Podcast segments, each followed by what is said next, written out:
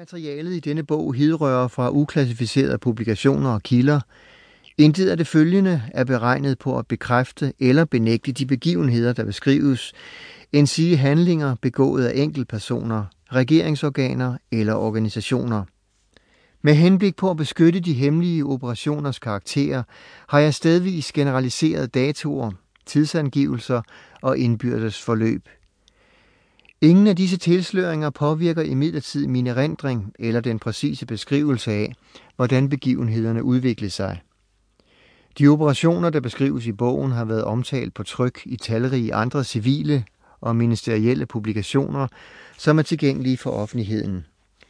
Disse kilder angives i slutningen af bogen.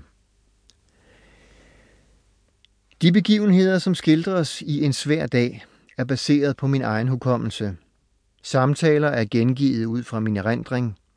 Krig er kaotisk, men jeg har gjort mit bedste for at sikre, at fortællingerne i denne bog er præcise. Hvis der er nogle unøjagtigheder, er ansvaret alene mit. Bogen fremlægger mine synspunkter og repræsenterer følgelig ikke synspunkter, den amerikanske flåde, det amerikanske forsvarsministerium eller andre måtte have. På trods af de bevidste forholdsregler, jeg har truffet for at beskytte USA's nationale sikkerhed og den operationelle sikkerhed for de mænd, der fortsat kæmper rundt om i verden, mener jeg alligevel, at en svær dag er en præcis beskrivelse af livet i US Navy SEALs og det broderskab, der eksisterer mellem os.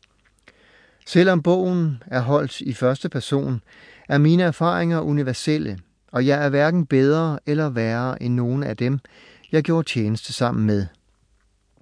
Det var en svær beslutning at skrive denne bog, og nogen i fællesskabet vil se skævt til mig for at have gjort det.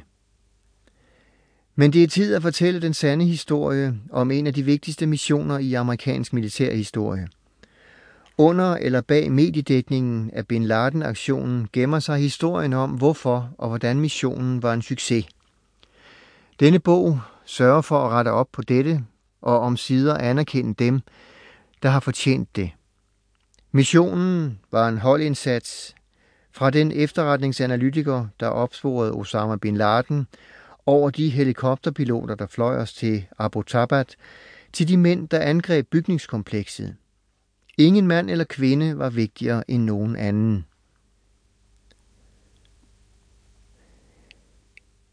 En svær dag er beretningen om drengene, de menneskelige omkostninger, vi betaler, og de ofre, vi gør, for at kunne udføre dette beskidte job. Denne bog handler om et broderskab, der eksisterede længe før jeg blev en del af det, og som i øvrigt vil bestå længe efter, at jeg er væk. Mit håb er, at en ung mand en skønne dag vil læse bogen i skolen og beslutte sig for at blive sil, eller det mindste leve et liv, der er større end ham selv. Hvis det sker, har denne bog været en succes. Mark Owen, 22. juni 2012 Virginia Beach, Virginia Citat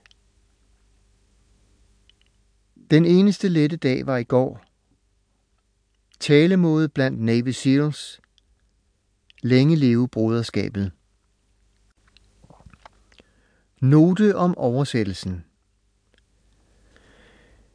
den amerikanske flådes Sea, Air and Land Corps, Navy SEAL, består af ca. 2.000 specialtrænede kommandosoldater, fordelt på 11 teams. Denne enhedsbetegnelse, som er særlig for Navy SEAL-korpset, er bibeholdt i oversættelsen. Under indsættelse organiseres disse teams som squadrons, her oversat til kompani, som er en tilsvarende dansk enhedsbetegnelse. Kompanierne er videre underinddelt i platoons og troops, som her er oversat til henholdsvis deling og gruppe. Under gruppeniveau opererer Navy SEALs i små teams af varierende størrelse. Dette begreb er bibeholdt i oversættelsen.